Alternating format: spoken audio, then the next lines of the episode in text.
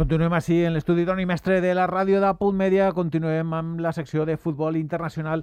En des de la banda Carlos Pinola parlàvem de Cancelo, d'aquest gran moment que viu en el City. Sí, eh, creo que es uno de los jugadores diferenciales. Es curioso que el Manchester City no haya buscado un delantero, sí, lo buscaron que era Harry Kane, pero es que se está adaptando muy bien eh, Guardiola con lo que tiene. De hecho, el único delantero 9 que tiene en plantilla es Gabriel Jesús, que no, no llega ni a marcar tres goles, pero es el más que más asistido del equipo con ocho asistencias.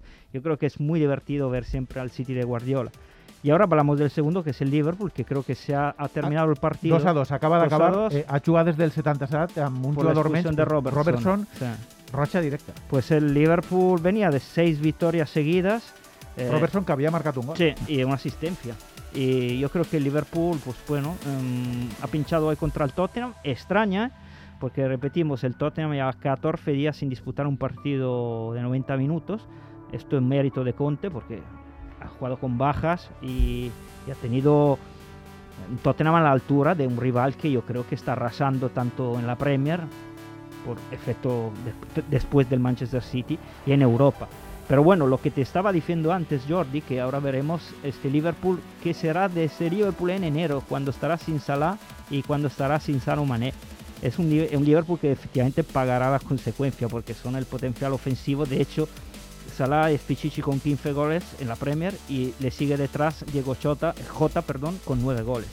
Y tercero es el Chelsea, que sí que está decepcionando un poquito porque ha pinchado contra el Wolverhampton.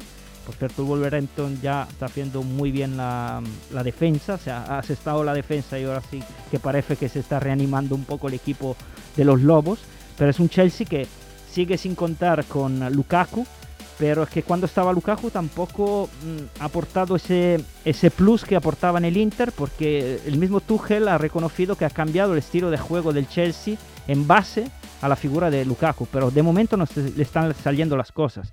Y cuarto, por ejemplo, en la Premier, sorprendente este Arsenal, que lleva tres victorias seguidas, hay que decirlo, pero es que es un Arsenal totalmente distinto a lo que vimos del año pasado, con un equipo que encajaba goles, que no tenía un plan de juego. Arteta creo que ha sentado muy bien a este equipo, van cuartos. Es bueno ver nuevamente el Arsenal ahí luchando para un puesto de Champions y veremos ahora lo que resta de competición. Y una noticia del Leeds, porque yo soy bastante fan también del Leeds, el pobre Leeds de Bielsa que ha encajado 14 goles en 8 días es, cierto que se ha enfrentado a... Contra el City 7, ¿eh? Claro, se, ha enfrentado al Chelsea, al City y ayer encajó cuatro goles en casa contra, contra el Arsenal. Y ahora este Leeds de, de Bielsa está a cinco puntos sobre el defenso. Cuidado con el Leeds que puede. Mm, no no es ya el equipo que divertía como el año pasado. Parlem d'altres grans lligues La Bundesliga, ¿no? La Bundesliga porque ahora creo que ya puede campeón de invierno el uh, Bayern de Múnich, uh, nueve puntos por encima del Dortmund, seis victorias seguidas. Escenario habitual de las últimas sí, temporadas. Sí, bueno, porque que cada año que pasa bate récord tras récord, porque mm, aparte del 4-0 al Wolfsburgo, hay un jugador que es, ya es un clásico, si dices Bayern, dices Thomas Müller, pues cumplió 400 partidos con la camiseta del Bayern desde que empezó a jugar a fútbol. Ayer marcó, antes de ayer marcó, no, jugaron el viernes, perdón, marcó un gol y dio una asistencia. Thomas Müller es un jugador que se tiene que retirar en el Bayern, no podemos decir otra cosa.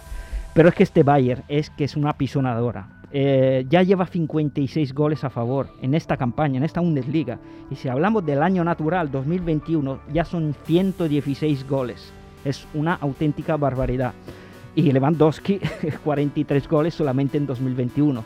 No le han dado el balón de oro, no sabemos qué cuántos goles más tiene que marcar para, para llevarse el premio, pero es que ha superado este año a Gerd Müller en, en 1972 que había marcado 42 goles. Así que la Bundesliga yo creo que la, ya, la damos ya por hecha, ganada por el Bayern. La sorpresa está siendo el Friburgo tercero y este Bayer Leverkusen cuarto con un gran Patrick Schick que es eh, lleva dos, tres goles más que Haaland. Esa es noticia. ¿eh? La teua, la Serie italiana. Bueno, pues la Serie italiana viene, viene del año pasado con la victoria del Inter y el Inter ahora se han asestado un poquito las cosas, han cambiado el entrenador, han perdido a Jimmy, han perdido a Lukaku, pero ahora el Inter sigue líder, seis victorias seguidas y sensaciones de un juego bonito no era el, respecto al año pasado con Conte, que era primero no encajar y segundo atacar. Pues no, le han quitado al mejor, a uno de los mejores delanteros que es Lukaku, se ha adaptado con Zeko y ahora el Inter, aparte que está marcando muchísimos más goles que con Conte, pues se ha estado muy bien atrás. El Milan va segundo a cuatro puntos, ojo porque esta noche habrá un partido, un clásico de la Serie A, un Milan-Nápoles, que lo recordamos de la época de Maradona, cuando eran los dos más fuertes de, esos años, fines de los años 90, eh, perdón, de los años 80, principio del 90. Es un partido emocionante porque eh, estará también, creo, la hija de Maradona, que está en Nápoles, rodando una serie eh, sobre su papá no la dejan entrar en el estadio del Napoli, por cierto, por temas de derechos, porque el presidente del Napoli quiere hacer también él una serie sobre Maradona y le ha prohibido a su hija entrar en el estadio intitulado a su padre. Eso es una curiosidad. cosas del sur de Italia, ¿no? Exactamente. eh, entonces el Milan ahora... ahí conoces tú más que yo, pero... el Milan ahora iba a irse al segundo con a cuatro puntos, tiene que ganar para acercarse más al Inter. La Atalanta que pinchó sorprendentemente contra la Roma 1-4 en casa, nadie se lo esperaba, sobre todo porque la Roma de Mourinho precisamente estaba decepcionando, pues no, hizo el partido de la vida, de su vida, la Roma auténticamente porque fue una pisonadora, el mismo defecto de siempre de Atalanta, encajar gol en el primer minuto, pasó contra el Villarreal, contra Danjuma, no era en el primer minuto, pero poco después, pues ese es el Atalanta, discontinua, que necesita que le, den un guantazo en la cara para despertarse. Y los guantazos siempre pueden pasar factura. Detrás del Atalanta le sigue el Nápoles, que también yo creo que es, uno de los equipos que mejor está jugando a fútbol en Italia, con uh, Spalletti que se ha quedado con la plantilla del año pasado, pero que ha tenido una Anguisa, el ex del Villarreal, que creo que está marcando la diferencia. Aquí lo recuerdan bien. Yo creo que el Nápoles ha llevado un jugadorazo porque ha mejorado muchísimo y ahora es un indispensable en el centro del campo del Napoli. Le ha dado un C plus para que el Napoli se mantenga en puestos altos. Yo creo que si hablamos de la Serie A tenemos que hablar también de un nombre, un nombre propio que es Dusan Blaovic, que creo que está mm, aquí, bueno, se habla de Haaland, se habla de Mbappé, pero no se habla de Dusan Blaovic. Se habla de Atlético de Madrid, es testigo. Bueno, yo no creo. Eh, no sé. A ver, el presidente... ¿Cuán había de realidad o no? No, yo, yo, yo veo que la Juventus lo intentará en este mercado, en este mercado de invierno porque saben perfectamente que el jugador no ha querido renovar con la Fiorentina. Probablemente quiere meterla en puestos europeos antes de irse, pero es un jugador que por menos de 65 millones de euros no va a salir a ningún equipo, eh, porque lo ha dicho claramente su presidente. Y es un jugador que ahora quien se lo lleva va a ser el negocio del futuro, porque es como un Haaland con la edad que tiene, 21 años, ahora cumplirá 22. Fíjate, ha marcado 33 goles en el año natural. Ha igualado el récord de Ronaldo en 2020, cuando lo hizo con la Juventus, y ahora le queda un partido para batirlo.